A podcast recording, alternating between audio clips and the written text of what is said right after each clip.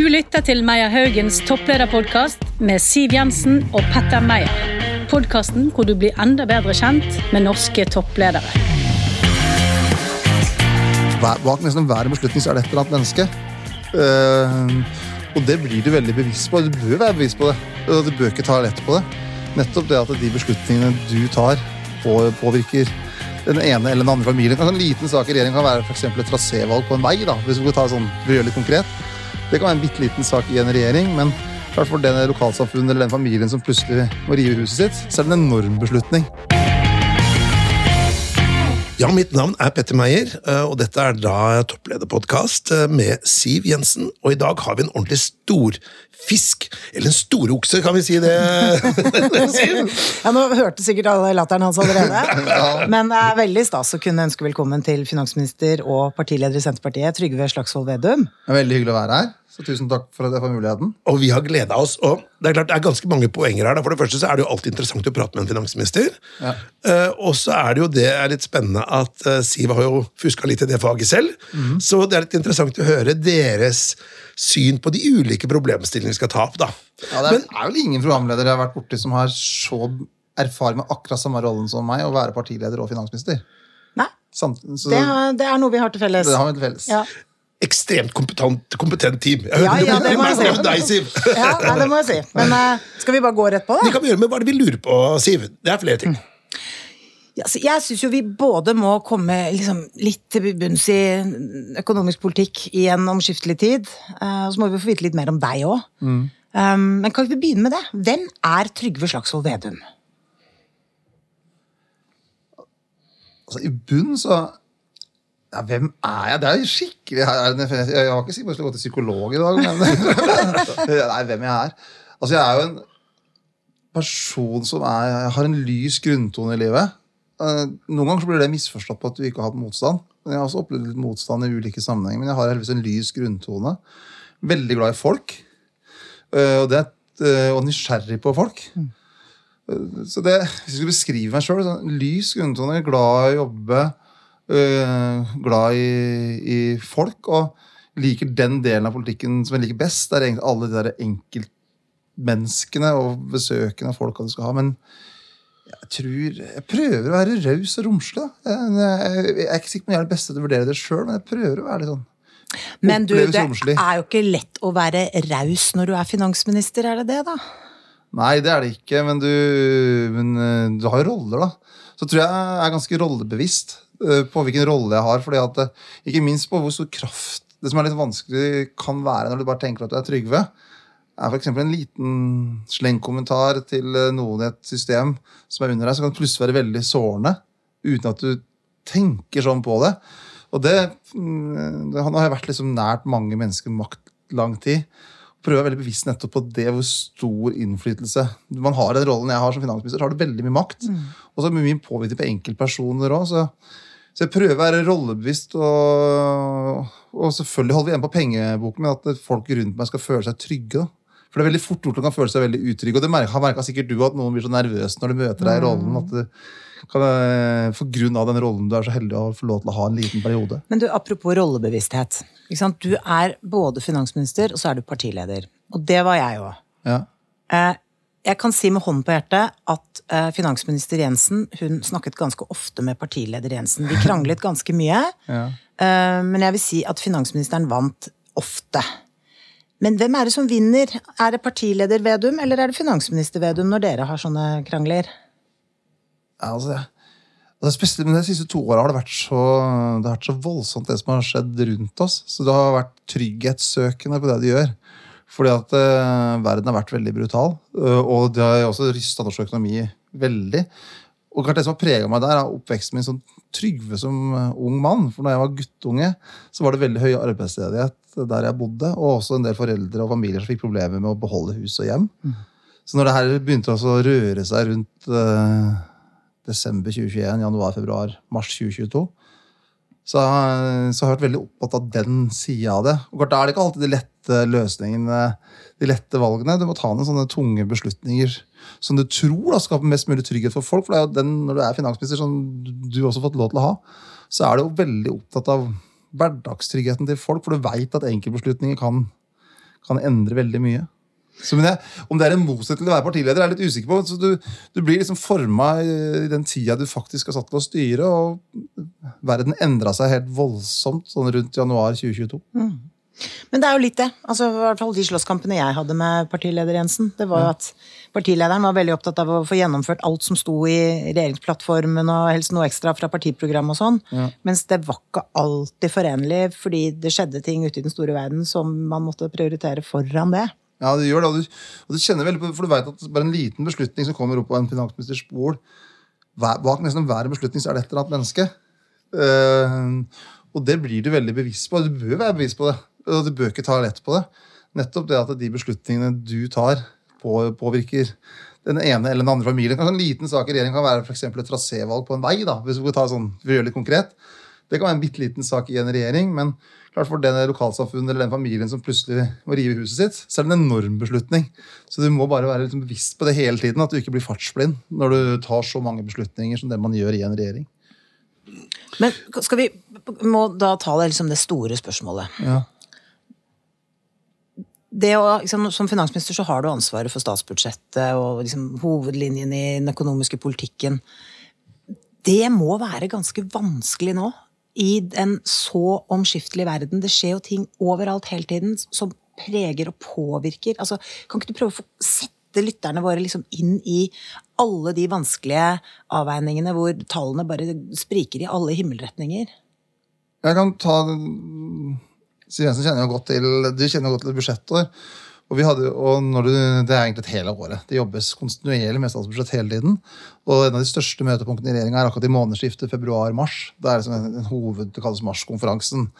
Og Før en sånn type møte så er det egentlig, sannsynligvis over 1000 mennesker som jobber. For det er underliggende direktorater, departementer, og så er det mitt embetsverk og alle eh, mulige dyktige fagfolk som lager et budsjettmateriale ut fra den virkeligheten man da ser. Og så er det mitt ansvar da selvfølgelig å presentere en helhet eh, for regjeringa. Og klart når vi gjorde det i når jeg sendte ut det budsjettmaterialet i slutten av februar 2022, så var jo hele den virkeligheten vi, alle de flinke folka hadde lagd budsjettmateriale med bakgrunn i, var jo den verden som hadde vært fram til da.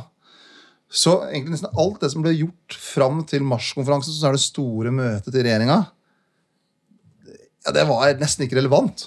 På grunn av den krigen som da starta en uke før eh, den konferansen var et par uker rundt der. Og fra marskonferansen, eller februar-mars, da, til det som vi sluttførte budsjettet i august Når vi da kom tilbake igjen på jobb i august, og de hadde jobba jobba, jobba, prøvde å få oversikt, de klarte ikke å få helt oversikt heller, men så best mulig, så var det ca. 100 milliarder kroner mer i utgifter. Da blir litt, da blir det litt dårlig stemning. ja, Du kan tenke deg sjøl åssen det er. Ja, og 100 milliarder er, altså det, Politibudsjettet er litt i underkant av 30. Så det er over tre ganger politibudsjettet da, som bare dukker opp pga. Uh, krigen og dens brutalitet, som slår inn på alle mulige måter. Uh, og det gjør at uh, de flinkeste fagfolka i Finansdepartementet sier at de aldri har vært borti så store endringer. For verden endrer seg. Og, men heldigvis da, så har vi i Norge veldig mange sånne stabiliserende faktorer. Men da måtte vi ta mange, veldig veldig mange krevende valg. Og mye av den kjefta jeg har fått i ettertid, da, f.eks. høyere eh, arbeidsgiveravgift på høye inntekter, det ble tatt i de eh, krevende ukene der. Nettopp for vi måtte tenke hvilke grunnverdier er det som vi skal styre for. Det er trygghet for Norge. Det er punkt nummer én. Trygt Norge, forsvar, sikkerhet, beredskap. Og trygghet for folk. Er liksom de to tinga. Og da måtte vi da selvfølgelig velge det som vi mente skapte minst mulig utrygghet. Men vi visste jo at bak hver million, bak hver milliard, så kommer det til å skape motstand og motkrefter. Så det var jo noen veldig tøffe uker. Eh, Men heldigvis da, så er fall den hovedfrykten som vi hadde i januar, februar, mars eh, og inn i augustkonferansen, at vi også skulle få høy arbeidsledighet i denne perioden her, det ser jo ut til at vi kommer oss gjennom denne perioden med lav ledighet, eh, og at vi liksom er på vei inn i et roligere farvann nå. Du nevner jo denne arbeidsgiveravgiften da, på høyere inntekter. Når jeg prater da med eh, de venner og bekjente i næringslivet, da, så er jo det er den største røde kluten. eh, For i hvert fall de jeg kjenner, at man da skal skattlegges på noe som ikke er et overskudd, men og bare en innsatsfaktor som kanskje rammer byer, høyt utdanna, eh, folk mest. Eh, Så leste jeg i dag at nå skal man kutte den avgiften neste år, stemmer det? Og eh, var det Hva skal jeg si, hva tenker du selv i forhold til motbøren man kom på akkurat den saken? Ja, Det visste jeg kom til å komme. Altså, Vi har drevet med politikk mange år, så jeg visste akkurat uh, hva jeg gjorde. Og jeg visste akkurat også hvilke motkrefter vi kom til å få.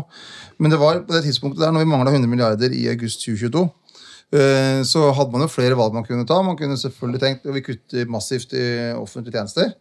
Det var helt uaktuelt. Vi måtte øke en del av det. Typisk sånn bostøtte, eh, tiltak på barnefamilier, tiltak på en del eldre som har dårlig råd. Altså Mange sånne ting vi måtte, som, vi måtte øke istedenfor å kutte, fordi verden var som den var. Vi kunne øke skatten for det brede lag av befolkningen. Det var også helt uaktuelt at sykepleieren eller læreren eller eh, sjåføren skulle få mer skatt i en sånn situasjon. Så det var jo marginale skatteletter som ble gitt til liksom, det brede, brede lag. Det letteste det vet jo Siv alt om, det hadde vært bare for finansministeren å skrive nei, vi bruker bare 100 milliarder mer. For det, det kan du faktisk bare gjøre hvis du, eh, hvis du vil det av oljefondet.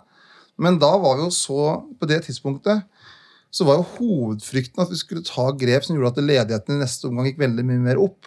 Med å forsterke prisveksten enda mer. Eh, Så det anså både jeg og embetsfolka rundt meg det var alt altfor stor eh, risiko, så vi tok ikke den sjansen. Og da gjorde jeg de grepa der. Og da tok jeg den høyprisbidraget på kraft. Og når du utfordrer kraftbransjen i Norge, så vet du at det blir bråk. For det er, de har mye muskler. Men de hadde tjent enormt mye penger pga. krigen, egentlig. Pga. at energiprisene gikk opp. Så det var ikke pga. dyktighet, men pga. det. Så utsatte vi noen store offentlige byggeprosjekter, og da blir det også bråk. Hvis du utsetter en veiprosjekt eller gjør den type ting, så vet du at det blir bråk, men det gjorde vi. Og så var det den tredje. Det var jo den herre um, arbeidsgiveravgiften. Og vurderinga da var at det var såpass stort press i arbeidsmarkedet på høytlønnsgruppene. Ledigheten for akademikere nå er 0,6, så det var ingen ledighet. Og vi sa, vi kommer til å gjøre det vi sa, at den skulle være kortvarig. Eh, og at det var en mindre risiko. Og så kommer vi til å fjerne den igjen da, som vi har varsla, i, i løpet av denne stortingsperioden her. Så det, det er vi, og, men når vi innfører sånn, så er det mange som tror at vi ikke kommer til å fjerne nå. Eh, for de tenker at det blir varig. Og det er derfor det blir ekstra mye motstand, for en er redd for at det, det vi sier, ikke blir virkelighet. Men det er ikke så rart, da, for det er jo mange milliarder, 7-8 milliarder kroner for- for å finansiere og ta den bort. Ja, det er det. Men det, det kommer vi til å gjøre. Og så er det jo vært helt Husk bare, tenk på antallet ukrainere som har kommet til Norge. Hvis du tenker at du setter deg i bilen og så kjører du gjennom Lillehammer og hele Gudbrandsdalen, så ser du alle hus, blokker, leiligheter og alt. Det er ca. rett i overkant av 70 000 som bor der, og da kommer vi over 70 000 ukrainere. Og det er klart det krever veldig mye ressurser. Og så, jo, så noen kan noen tenke er dette bare sånn barmhjertig samaritantenkning? Nei, det er ikke det. For Norge, som er et naboland til Russland, et lite naboland til Russland, vi har alt å tjene på når et annet naboland av Russland blir angrepet, som er mye mye større enn oss, at folk stiller opp. Så, så det her er både litt sånn, selvfølgelig etisk rett å stille opp, men det er også ut fra rein egeninteresse at Norge må stille opp på den måten som vi gjør, både med øh, de bistandstiltakene vi gjør i Ukraina, og også det vi gjør på å styrke forsvaret til Ukraina.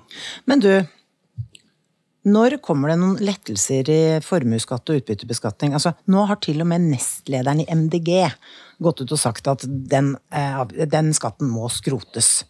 Da ble jeg plutselig litt mer for, da. Nei, nei, nei, da, da, da, da, neste demagogi er får, Da blir jeg alltid skeptisk. Nei, jeg jeg Er det et argument? Nei, da, Men også argumentene hennes var jo vantete. de, i forhold til gründere og oppstartsselskaper og, som sitter, men sitter bare med røde tall, og likevel må du betale formuesskatt på penger de ikke har. Ja, det var et forsøk på en spøk, da. Ja. Ja. Det- Jeg syns du har så, så fint sånn grønn drakt i dag også. Jeg følte at det var blitt litt Nei da. Poenget er at vi gjorde I år så er formuesskatten lavere enn i fjor. Nå har det blitt litt borte, for vi har redusert eh, eh, verdsettelsen på, på mye næringseiendom. Eh, Så det er en lavere formuesskattebeskatning i år enn det, Men den er fortsatt ganske høy. Ja, men så var du også var finansminister i mange år, og, Reduserte ja, og valgte også å videreføre den. Reduserte Så, ho, så hoveddelen av den formuesskatten som jeg tar inn i dag, var, var jo også tatt inn når du styrte. og det, det handler jo om at eh, i hvert fall For min del da, så ønsker vi heller ikke et system der eh, folk som har særdeles god råd også skal bli nullskattytere. Men Trygve, det, det argumentet men, der men, men du valgte jo ikke fjerne den sjøl. Men Trygve, det argumentet der har vi jo hørt. Også, du må ikke fortape deg disse nullskattyterne, for at det går an å finne andre måter å skattlegge kapital på. Problemet med, med, med formuesskatten er at du må betale skatt med penger du ikke har. Og tenk alle, liksom. Vi, vi, Dere snakker jo så varmt i næringspolitikken om gründere og oppstartsselskaper og alt mulig. Eh, hvis de bare gjør én emisjon, så får de plutselig store verdier i selskapet som de må betale skatt av, uten at de har en krone på bok. De må låne penger. Hva, hva er svaret ditt til alle de som dere heier på og sier at nå skal vi starte flere bedrifter og grønn omstilling og tjo og hei? Altså, vi har vært veldig opptatt av så, Når du var finansminister, så innførte jeg har gjennomført- ikke driv oss og snakk om hva jeg gjorde. Nå vil vi høre hva du har Ja, tenkt. du gjennomførte en skattereform uh, som jeg satt i finanskomiteen og var øh, enig i. Og der lagde vi noen rammer, bl.a. rundt formuesskatt. Nei, og det- selskapsskatt. Ja, og formuesskatt. At med den rabatten, bl.a. aksjerabatten øh, på 80 Så, så de, de rammene som, som ble lagt i det skatteforliket som vi inngikk i Stortinget da, det er de vi styrer nå innafor. Så ingen av de endringene som vi har gjort nå, er utafor de rammene som ble lagt i det skatteforliket. For vi er opptatt av at det skal være forutsigbarhet og trygghet. Og også vært opptatt av at vi skal beholde en lav eh, selskapsskatt i Norge på 22% Det er jo flere land nå som har både varsla og begynt å justere de satsene oppover, mens vi har holdt den eh, lav, for vi ønsker å ha den samla bedriftsbeskatninga i Norge lav. Men så ser jo vi, selvfølgelig, og jeg ser også at det er utfordring med alle skatter. Alle skatter har en kostnad. Og Derfor så har jo også vi justert litt på formuesskatten i år, så det blir litt lavere formuesbeskatning i år enn det var i fjor. Men tenker du på en sånn skatteveksling, da? Altså, jeg skjønner at det, ble inngått, det har blitt inngått mange forlik, eh, men når tidene endrer seg, så må man jo liksom kanskje følge etter med en ny politikk. Da kunne jo være kanskje mer relevant å skattlegge overskudd litt hardere, for det er tross alt reelle verdier som selskapene har bygget opp, eh, og ikke skatte ja, ikke, ikke-reelle verdier, da, som eh, formuesskatten treffer knallhardt på. Altså, vi kommer selvfølgelig til å se på en KI-justering på formuesskatten som, som gjør den bedre, sånn som, vi, sånn som vi har gjort i år, men vi kommer ikke til å øke den generelle bedriftsbeskatninga, som da er på 22 Eh, Selv om det kommer helt sikkert til å komme forslag på det, å gjøre den type skatteveksling. Men vi kommer ikke til å gjøre det, for da har vi sagt at det skal være stabilt, og, og det skal være forutsigbart. At det er et av konkurransefortrinnene med å drive bedrifter i Norge, at vi har en lav og stabil bedriftsbeskatning som står seg med ulike regjeringer. Og så får vi da selvfølgelig, Hvis det kommer nye skatteforlik, så får vi diskutere det, det da, men vi kommer til å være innafor den rammen. Og i skatteforliket så tror jeg det var 23 eh, som vi skrev. Eh, og nå ligger vi en, et prosentpoeng lavere da, eh, enn det som var i skatteforliket, men vi kommer til å videreføre det nivået. Men klart hvis eh, Siv Jensen går inn i politikken igjen og vil kjempe for høyere bedriftsbeskatning, så Så Nei da. Men, men, eh, Jeg skal prøve å være nå en sindig programleder. eh, Så kanskje vi skal snakke litt om ledelse i stedet, Ja, det var jo, det Petter? var jo, Ja. det var jo en av de morsomste duellene, egentlig. Uh, tror jeg, Nå er jeg veldig subjektiv, da, men i hvert fall de som jobba i stortingsadministrasjon, så hadde noen av de morsomste duellene i stortingssalen det var mellom Siv Jensen og meg. For da ble det alltid litt underholdning. For det er altfor mye kjedelige runder i salen. Men Hva var det morsomste ordveksling mellom deg og Siv da i den tiden, eh, Trygve? Jeg kjørte mye på avgifter, husker jeg da. For det var jo, der var det jo partileder Siv Jensen som hadde møtt uh, finansminister Siv Jensen. Ja, det er vel noe du kjenner deg litt igjen i sjøl, Ja, det kan jeg. jeg gjøre. Og så mm, hadde jo Siv Jensen de samarbeidspartnerne hadde, så eh, da måtte hun øke noen avgifter hun egentlig ikke ønska å øke. Og da blir det jo fort opposisjonspolitikerens rolle å pirke på det, og så var Siv flink til å, å slå tilbake, for Siv er en dyktig debattant. Ja. Men du, et spørsmål jeg har lyst til å stille deg, Trygve, det er at eh, Hva er ditt og Senterpartiets drømmesamfunn? Hvis du skulle på en måte hatt eh, rent flertall i, i to, tre, fire perioder, da, Ja. og du kunne bygd Norge som du ville, hva er det som har vært, vært ditt politiske prosjekt da? et Norge med små forskjeller. For at eh, små forskjeller skaper uh, tillit. Og når jeg ser til Sverige, så har de valgt en veldig annen type vei. Når vi var innom Ukraina i stad, så har jo Sverige hatt eh, for eksempel når det gjelder innvandringspolitikken, har de hatt egen bosetting. Mens i Norge har vi hatt en helt annen tenkning, at vi skal bosette folk i hele landet. Og at eh, folk skal komme seg til arbeid, lære seg norsk, bli en del av det norske samfunnet. Og klart det jeg er mest eh, bekymra for hele tiden, som vi jobber med, er at vi ikke får parallellsamfunn, og at alle blir en del av det norske fellesskapet, der vi har tillit til hverandre. Tenk hvilke beslutninger som altså, I ettertid så ser en at noen av de beslutningene som Erna Solberg tok eh, om koronaen, var feil. I ettertid ser man det. Men i samtid så stolte folk i Norge på at den beslutningen myndighetene tok, var ut fra beste mening. Eh, og, og det er helt enorm kapital for et samfunn at man har den tilliten til hverandre. Og fra mitt ståsted da, så tror jeg den største trusselen mot uh, den tilliten er hvis forskjeller blir for store. Så det kommer jeg til å jobbe for hele tiden. At man ikke får ulike yrkesgrupper, ulike lag av samfunnet. Hvis det blir den type innvandringsbølger som vi har sett med ukrainere nå, så må vi hele tida jobbe for å få de som en del av det norske fellesskapet, og i jobb, i aktivitet. Og så er jo selvfølgelig jeg som Senterpartileder opptatt av at vi skal utvikle alle deler av Norge, og at det ikke blir enkeltdeler av landet vårt som eh, henger igjen. Og jeg bruker noen ganger eksempelet Jeg bor jo bare en kjøretur unna Karlstad, for jeg bor i Hedmark. Um, men jeg får mindre med meg hva som skjer i Karlstad, enn hvis det skjer ei ulykke i Karasjok. Selv om det er helt enormt mye lenger unna.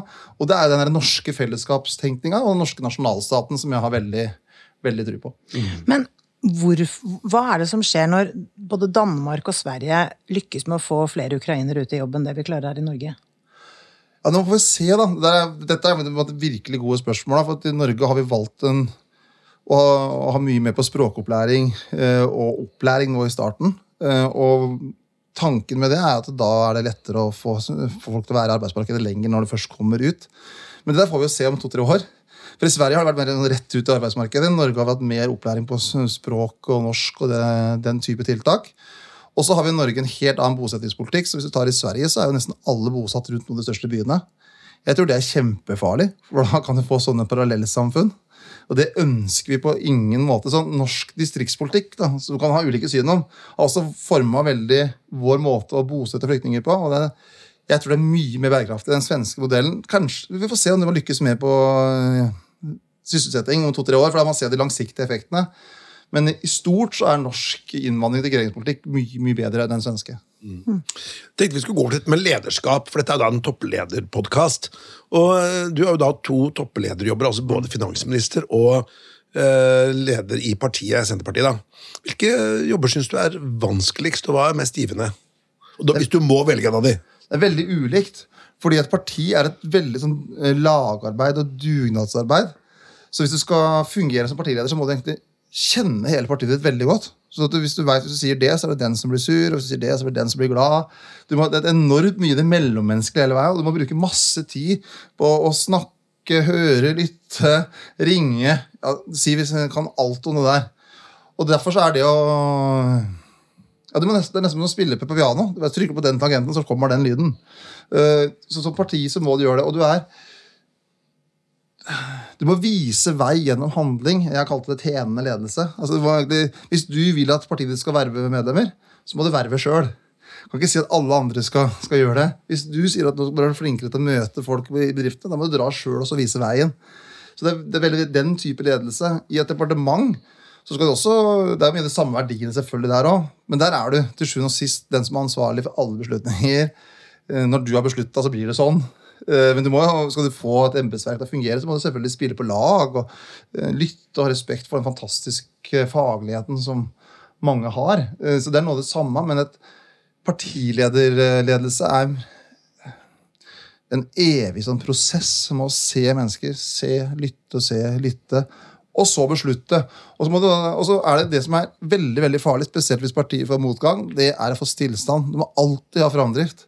Sånn at hvis, hvis, ikke, så blir det veldig mye kos med misnøye. Hvis du ikke har framdrift. Jeg vet ikke hvordan du så det, men du må liksom, hele tida nye ting. Og du har energi til å ha nye ting. Men hvis du i morgen plutselig skulle ikke være politiker lenger, mm. kunne, du, kunne, du, ledet hva som helst, tror du? Nei, det tror jeg ikke.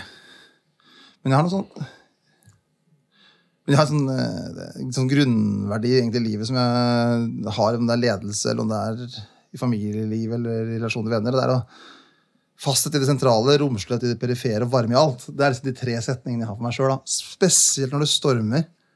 Sånn, og før jeg skal legge meg, jeg har jeg sånn mobiltelefonforbud siste timen. Ikke driv og sjekk nyhetsmeldinger. For det kan du bli veldig, du kan nesten bli litt sånn avhengig av det, tror jeg. Hvis du er i toppolitikken. Legge bort den telefonen. Og hvis det stresser veldig, så tenker jeg har jeg klart å være fast i det sentrale. Eh, ja har jeg vært romslig på sånne småting, for du kan bli veldig sånn selvopptatt òg. Eh, så du må bare være romslig på sånne småting. Og har du klart å beholde varmen? Er det en varme i bunn? Det er liksom min sånne tre sånne ledesetninger. Det er en omskriving av Augustin, faktisk. Men eh, det er jo tre sånne ledesetninger jeg har. Romslighet, varme. Mm. Fasthet. Mm. Men du, må ha fast, men du må ha fasthet. For du må vite hva er sentralt. Og det er ikke alltid så lett å vite helt, men hva er det som er det sentrale. Og noen ganger er det bare lurt å skrive det ned når det stormer. Altså, En jeg gikk i klasse med på Notodden, eh, Åslaug Sem-Jacobsen, eh, er jo da på stortingsrepresentant for dere i Senterpartiet. da. Ja. Og så gjorde jeg litt research med henne da, for jeg skulle treffe deg nå. Får du se, det litt å lære. Ja. Og, men det hun sa, da, det var at du var veldig god til Altså Hvis noen av dine partifeller hadde dummet seg litt ut, da, det skjer jo veldig sjelden, men det kunne skje, da var du veldig varm og støttende, og du tok det litt ned, da. Eh, og det satt satte hun veldig veldig pris på, da. Og på deg med ditt lederskap. da, Så jeg skulle ta en liten shout-out til deg. at du var, eh, Og det prata folk om, at du tok støyten for mange internt. Ja, og så, så har jeg sagt at partiet skal oppleves litt sånn eh, En slags sånn madrass. Og hvis du faller, så skal du, liksom- kan du falle, så skal vi dytte det opp igjen. Eh, I stedet for at du tenker at du faller, og så kaster du deg ut. For da blir også folk tryggere. Eh, og ikke minst sånn i Nå får folk roller hvis de blir statsråd eller stortingsrepresentant, så har de så mye forventninger til seg sjøl at de kan bli helt veldig veldig redd for å gjøre noe feil òg. Men det er jo nok av de som har gjort feil nå, da, i den Ja. regjeringen du sitter. Ja, absolutt. Og, så er det jo sånn øh, Men det var ikke- det Hver tid øh, Jeg sine feil, jeg skulle ikke harselere med det, altså, men mer det derre da er, jo, da er det jo midt i stormen igjen. ikke sant? Du og statsministeren står jo i den ene stormen etter den andre med den Mm. ene skandalen etter den andre. Hvordan, hvordan ventilerer du når alle disse tingene Den ene avløser den andre, liksom? Ja, det er veldig forskjellig òg, da. Altså, så blir du litt sånn lei deg òg. Sånn som Ola Borten Moe, for eksempel, er, da, eh, som har jobba sammen i mange mange år. Som jeg syns er en kjempeflink mann. Så du, liksom sånn, så, så, du får sånn vemod òg. Sånn som han måtte gå av, så syns jeg det var sånn, litt sånn tungt. Mm. men så er Ola en veldig sånn fin mann. Altså. fordi at du også har en god relasjon, så blir avgangen mye mindre vanskelig. Og han falt jo ned på den beslutningen sjøl, men eh, nei, jeg må jo bare ha de grunnsetningene. Da. Og da er det den, det, det jeg sa i stad. Fasthet, romslighet, varme. Og da må jeg være fast tydeligvis gjort noe feil. Men så, men så må den passe seg at den ikke blir helt skyggeredd heller. Og så nå med Sandra Borch så er det noen som har kritisert meg, for jeg, jeg sa, sa det jo, det er Du har gjort noe feil. Helt riktig det hun gjorde øh, med å gå av. Men jeg mener i Norge så er det mulighet til å komme tilbake igjen. Det mener jeg er en del av liksom, norske folkesjela. At hvis du rydder opp etter deg, så skal det mulig å få en, øh, få en ny sjanse. Men hva gjør du? Altså, jeg, jeg skjønner at du legger bort telefonen siste timen, og at du, du går gjennom disse Da er det, litt, kan det da er det liksom aller mest stressende. Ja. Ja, men, men gjør du andre ting for å på en måte få tømt huet ditt, eh, tenke klart? Altså, det, det er jo ofte mye som koker opp i huet til en finansminister. Jeg prøver å lese bøker på lørdagsmorgen og søndagsmorgen. Ja. Ja, Istedenfor å gå inn og så Gå ikke ut og melke kuer, eller Nei, nei, jeg leser bøker, faktisk. Uh, fordi det er veldig fort gjort at du går på en eller annen skjerm med en gang du står opp på lørdag og søndag nå, og så er du rett inn i jobb med en eneste gang. Så jeg uh, prøver å ha det jeg kaller nesten sånn skjermfaste. Altså at du legger bort skjermen. For i vår tid vet du, skjerm inntrykk hele tiden, så vi får nesten ikke tid til å tenke. Så jeg prøver å, å lese, lese bøker, og det er en bok som jeg leste nå rundt jul, som jeg kan anbefale veldig. Om ei som heter Katja Anker Møller, som Hege Duckert har skrevet. Helt strålende bok, som jeg tror også med din likestillingshistorie at du hadde ville likt. Godt tips. Det, Takk vi er alltid glad i noen kulturtips, det må vi Ja, virkelig si. det var fint. Men siden dette er da et rekrutteringsselskap, da, vi i Meierhaugen, og så er vi interessert i hvordan du rekrutterer de folka som skal være nær deg. da. Det gjelder både i partiapparatet, men også på, um, i Finansdepartementet. da. Hva er det du ser etter hos dine nærmeste? I partiapparatet og som, som statsråd Du må jo ta veldig mange hensyn, det vet Siv Jensen alt om. Fordi at et parti er på mange måter et kompromiss også med veldig mange ulike interesser. Så også når du skal sammensette ulike organ, og sånn, så må du sørge for at det er noen fra ulike deler av landet, det er kjønn, det kan være ulike, ulike interessegrupper. Så, det så du må liksom få til den balansen, sånn at du skaper ro. Uh, men som personlighetstyper så er det den Det jeg liker best, er hvis folk klarer Først å være talentfull og dyktig. Men jeg prøver å dyrke hos den som er talentfull og dyktig òg. Prøv å være litt sånn avslappa rundt omtalen til deg sjøl. prøver å dyrke det med trygghet og ro. Ta ting ned. Men selvfølgelig, når jeg rekrutterte innen statsråder, så var det noen enorme talenter som jeg så. Som Emilie Enger Mehl, eksempel, som er kjempedyktig. Og så har du nok opplevd litt det samme som Siv Jensen eh, gjorde som dame. Det blir alltid stilt litt hardere krav til som dame enn som mann. Tror jeg fortsatt, egentlig. Uh, Og så jeg Siv nikker her. ja, og Emilie er en utrolig dyktig dame. Og så har du sånn som Bjørn Arild Gram, som jeg bare visste hadde jobba med Han apropos, han var kommunalminister, og så ble forsvarsminister. Jeg veit han bare er grundig, jobber, kan sakene sine. Du kan alltid stole på det. Men når, når du skulle liksom plukke statssekretærene dine og rådgivere Mm. og sånn rundt deg, eh, har, du, har du bare ja-mennesker rundt deg, eller har du noen som tør å utfordre deg litt og kjefte litt på deg? Vi har veldig begge deler, og veldig ulike syn også i politisk ledelse. Eh, Jeg skal ikke utlegge det eh, helt og fullt helt, men av de som er i politisk ledelse hos meg nå, så har det jo vært eh, ja, nå, ja, det, ja, nå er det to som har bakgrunn i privat næringsliv, som har liksom veksla mellom politikk og privat næringsliv. Før jul så var det tre. Så vi har hatt en sånn miks av folk, og så er det noen som måtte ha vært mer i partiet hele veien. da. Eh, Men de nærmeste statssekretærene nå har en sånn blandinga av litt eh, i privat næringsliv, litt i politikken, og det er ganske bra. Men allikevel ganske ulike ståsteder. Så eh, Erlend Grimstad, som er en av dem, han er jo jobba i Umo og jobba med alt mulig innenfor eh, forretningsliv, egentlig. Og nå eh, på slutten innenfor rederibransjen. Den andre som heter Lars-Erik Bartnes, han jobba i Veidekke. Men så var i politikken før også han som var spinndoktoren. Han kjenner vel Lars Vangen. Uh, han har vært typisk som vært i politikken hele tiden. Så vi har en sånn god blanding av, uh, av folk også. Så er det meningsspenn, egentlig.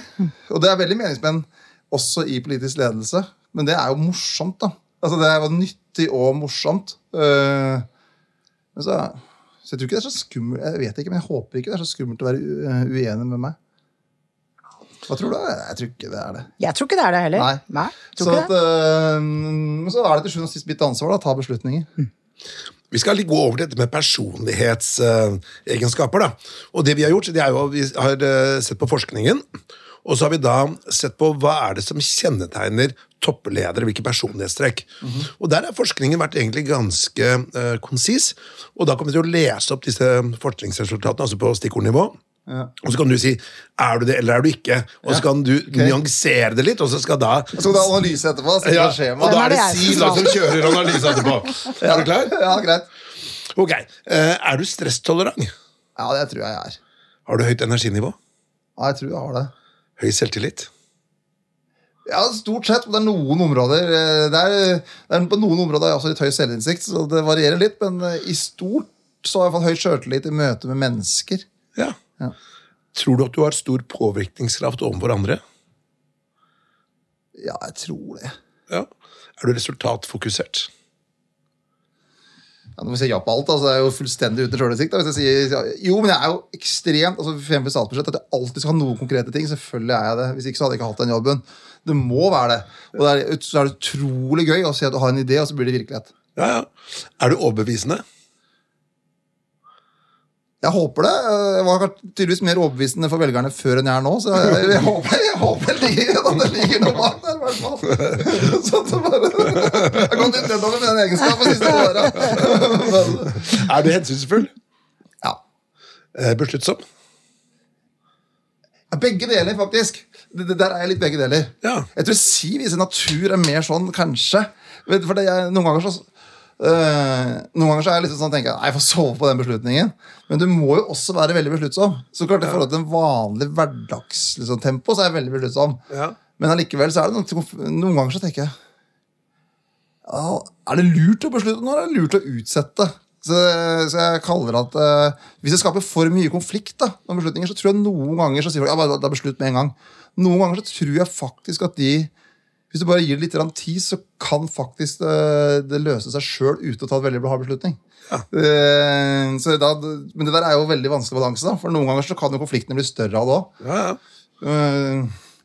det kommer helt an på situasjonen. ja. Ja. Siste punktet. Er du optimistisk?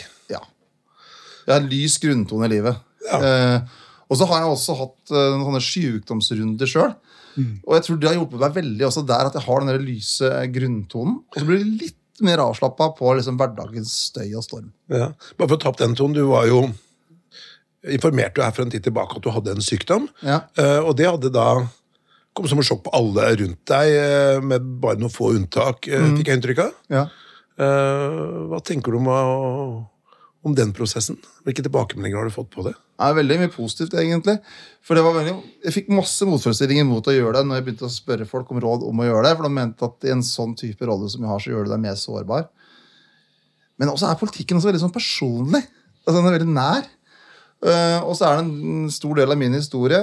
Uh, men det som jeg opplevde, det som jeg gleder meg aller aller mest, det er at det er mange som har MS, som har sendt meldinger og vært glad for at jeg har sagt det. Og også mange pårørende til folk som har MS. Og så er det noen få som har gjort det motsatte.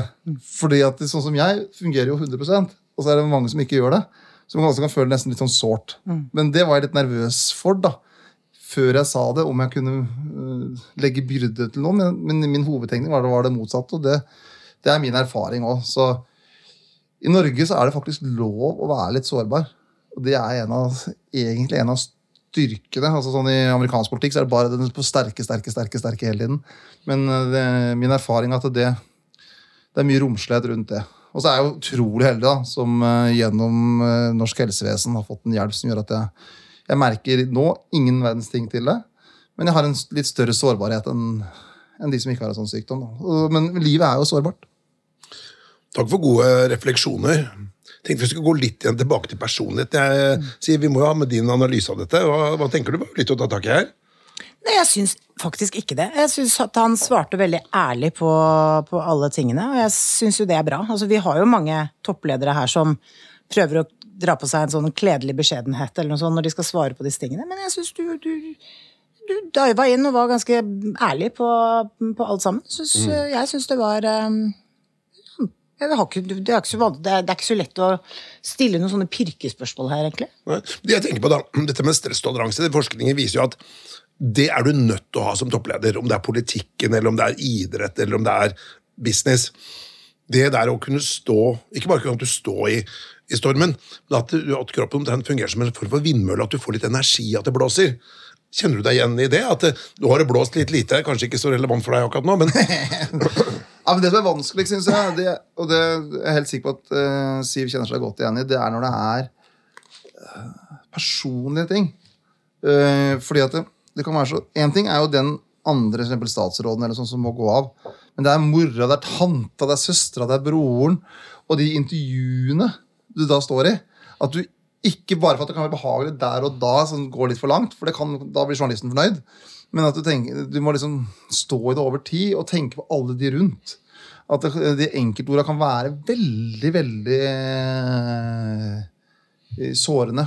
Og det skal man også gjøre hvis det er folk fra andre partier. At man skal være forsiktig altså, når det stormer som verst, for du kan legge noen bører eh, på. Så det det syns jeg er slitsomt. Og da lager jeg meg det jeg kaller for min egen sånn talesirkler. på en måte. Innafor her kan jeg snakke, og utafor går jeg ikke. Mm. Selv om det kan framstå rart i intervjuet. Hvis jeg skal gå lenger, så skal jeg heller ta kontakt med journalisten i etterkant. For det kan være nyanser der som kan være mm. veldig veldig sårende. Og da får du ofte kritikk for at du er for vag, eller at du, du skulle vært tydeligere. den type ting, Men er, eh, du kan skape veldig store sår. Mm.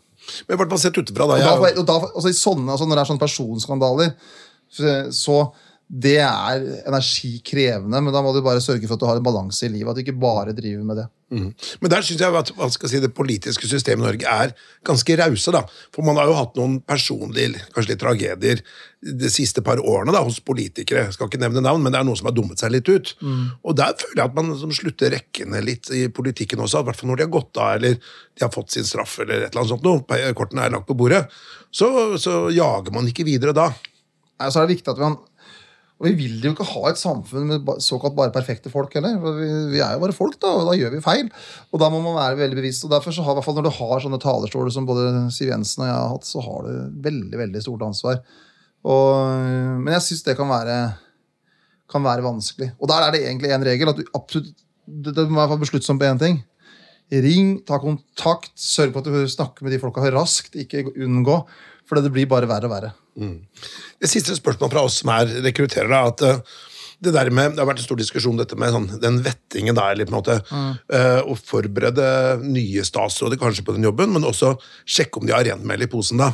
Ja. Kan du si litt om hvordan den prosessen der foregår? Hva er det dere sjekker, og hva er det dere ikke sjekker? Det er jo statsministerens kontor som har det ansvaret. Men så har jo selvfølgelig vi som partiene, og jeg har også en veldig sånn tydelig samtale med de som skal bli statsråder. Eh, om eh, rollebevisstheten. og Husk hvem du tjener, hvem du skal være der for.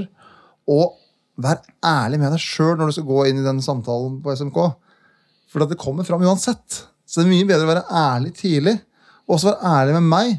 For hvis du kan være ærlig da, så ofte så kan mye av det folk går og gnager på, være sånn men Det er jo egentlig ikke noe problem. Så det er kanskje et problem for deg i relasjon til en eller annen. Men, men det er ikke noe problem i rollen din som statsråd. Uh, men det er SMK som har den eller SMK er statsministerens kontor da, som har den formelle samtalen uh, med de som skal bli statsråder. Og så er det sånn som vi har organisert det, jeg vet ikke hvordan dere organiserte det, Siv, men statssekretærene, så er det generalsekretæren hos oss som, som kjører den i tett sam, samråd med, med SMK. Mm. Jeg bare tenker, Vi som rekrutteringsselskap vi er jo ganske grundige over å sjekke folk. Det er klart, det er jo ting ikke vi kan sjekke, sånn som politiattest. Sånn som det, det, er bare noen ja. offentlige myndigheter som kan gjøre, Men vi borer jo ganske grundig i, i hvert fall hvis det er toppledere, ja. i deres bakgrunn. Og øh, det kan hende at man burde gått litt grundigere til verks øh, med dagens situasjon litt i bakhodet. Ja, men så er det vanskelig å ta, ta det her eh, siste saken. da det, hvis du har en universitetsgrad fra et norsk universitet, for eksempel, så, så legger man bare til grunn at det, det er sånn det er. Mm. Så det kommer opp nye problemstillinger som man ikke ja, ja. tenkte på for noen år siden. Så, det, så, så det er jo, i hvert fall Politikken går nok på en måte dessverre litt foran, på en måte, for da dukker det opp sånne ting som man tidligere ikke tenkte på i det, i det hele tatt. Og norsk politikk er jo utrolig mye mer ordentlig nå enn den var for 30 år siden. Uh, men det var mye mindre skandale for 30 år siden. Ja. og, det handler, og, det handler, bare om at media hadde en annen linje. Er, de var litt servilere før. Hvis du ser på makta da, hvis det, helt annerledes. Ja, men Kjenner du deg igjen i makta? Vi må ta innom den tonen også. Er det, liksom, er det representativt, eller er det liksom bare fanteri?